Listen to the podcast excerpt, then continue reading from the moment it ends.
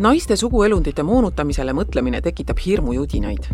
võiks arvata, et midagi sellist on võimalik vaid õudusunenägudes, kuid seda juhtub tihemini, kui esmapilgul tundub.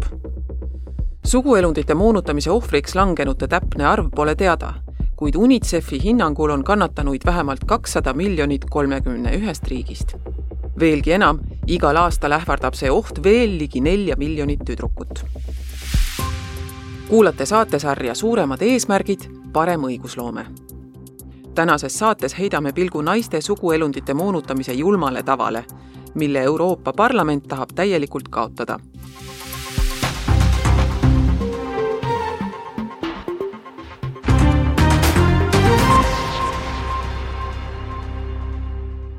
mis on naiste suguelundite moonutamine?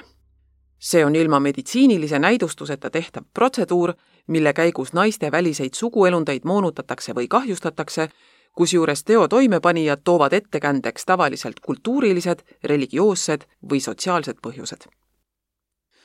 ohvrid on enamasti kuni viieteistaastased tüdrukud, sealhulgas imikud. ilmselt ei ole üllatav, et sellel võivad olla tõsised lühi- ja pikaajalised tagajärjed nii füüsilisele kui ka vaimsele tervisele kuigi tava praktiseeritakse põhiliselt Aafrikas ning Lähis-Ida ja Aasia riikides, on selle juhtumeid registreeritud lähemal, kui võiks arvatagi. ohvreid ja ohustatuid on avastatud kuueteistkümnest Euroopa Liidu riigist, kuid Euroopas toime pandud naiste suguelundite moonutamise juhtumite kohta ametlik EL-i statistika puudub. üks on siiski selge. ohus on miljonid naised hoolimata sellest, et naiste suguelundite moonutamise tava on viimase kolmekümne aastaga üha vähenenud, on riikide edusammud ebaühtlased ja juhtumite arv kõikuv. ühinenud Rahvaste Organisatsioon on kuulutanud naiste suguelundite moonutamise inimvaenulikuks tavaks, millele tuleb kahe tuhande kolmekümnendaks aastaks lõpp teha.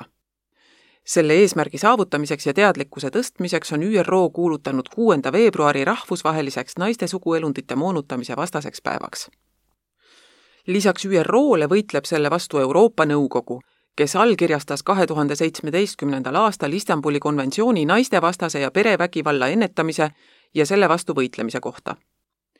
tegemist on esimese rahvusvahelise lepinguga, milles käsitletakse naiste suguelundite moonutamist Euroopa riikides.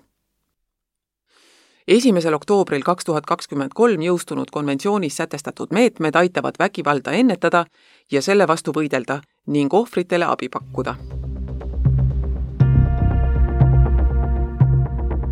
heidame nüüd pilgu liidu seadusandlikele ja poliitilistele saavutustele ning plaanidele. EL-i seisukoht naiste suguelundite moonutamise suhtes on ühene. tegemist on laste väärkohtlemise ja soolise vägivalla vormiga, millele tuleb Euroopas lõpp teha. sellega rikutakse rängalt Euroopa Liidu põhiõiguste hartas sätestatud põhilisi inimõigusi, sealhulgas õigust tervisele, õigust olla vaba piinamisest ja julmast, ebainimlikust või alandavast kohtlemisest ning surmaga lõppevate juhtumite puhul ka õigust elule. probleemi ulatuse kindlaks tegemise muudab raskemaks migratsioon. igal aastal otsib Euroopa Liidu liikmesriikidest varjupaika ligi kakskümmend tuhat naist ja tüdrukut, kes on pärit seda võigast tava praktiseerivatest riikidest. umbkaudu tuhat varjupaigataotlust on otseselt seotud naiste suguelundite moonutamisega ja see arv on alates kahe tuhande kaheksandast aastast pidevalt kasvanud kuna ohvrite olukord on väga habras, on nad eraldi välja toodud ka EL-i vastuvõtutingimuste direktiivi haavatavate isikute loetelus.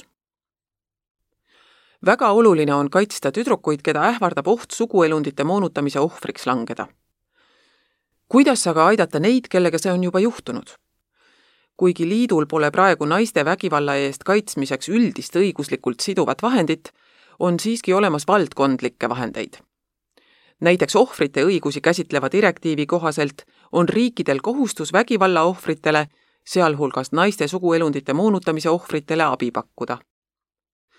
lõppeesmärk on algatada ühiskonnas pöördumatu ja põhimõtteline kultuuriline muutus, mis on sellest jõhkrast praktikast vabanemiseks ainus viis.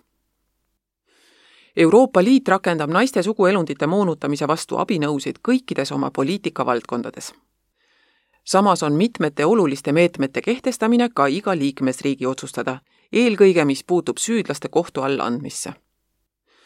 praegu defineeritakse suguelundite sandistamist igas liikmesriigis kriminaalkorras karistatava süüteona, mille käigus on tekitatud tervisekahjustus või kehavigastus. teo eripärade tõttu on aga väga vähesed vaidlused kohtusse jõudnud. alates kahe tuhande esimesest aastast on Euroopa Parlament seisnud selle eest, et kurjategijate üle kohut mõistetaks ning tänu sellele on tehtud märgatavaid edusamme. Euroopa Liit on nüüd liikmesriikidele kurjategijate vastutusele võtmisel toeks kuna parlament on sellele teemale naiste õiguste ja soolise võrdõiguslikkuse komisjoni kaudu suurt tähelepanu juhtinud, on naiste suguelundite moonutamine tõusnud tähtsaimate küsimuste hulka ka rahvusvaheliselt. Selleks, et see brutaalne tava kahe tuhande kolmekümnendaks aastaks täielikult kaotada, tuleb pingutada kõigi kolme etapi tõhustamiseks. ennetus, kaitse ja kohtumõistmine süüdlaste üle. ees on veel pikk tee, kuid Euroopa sõnum on selge naiste suguelundite moonutamisele pole siin kohta.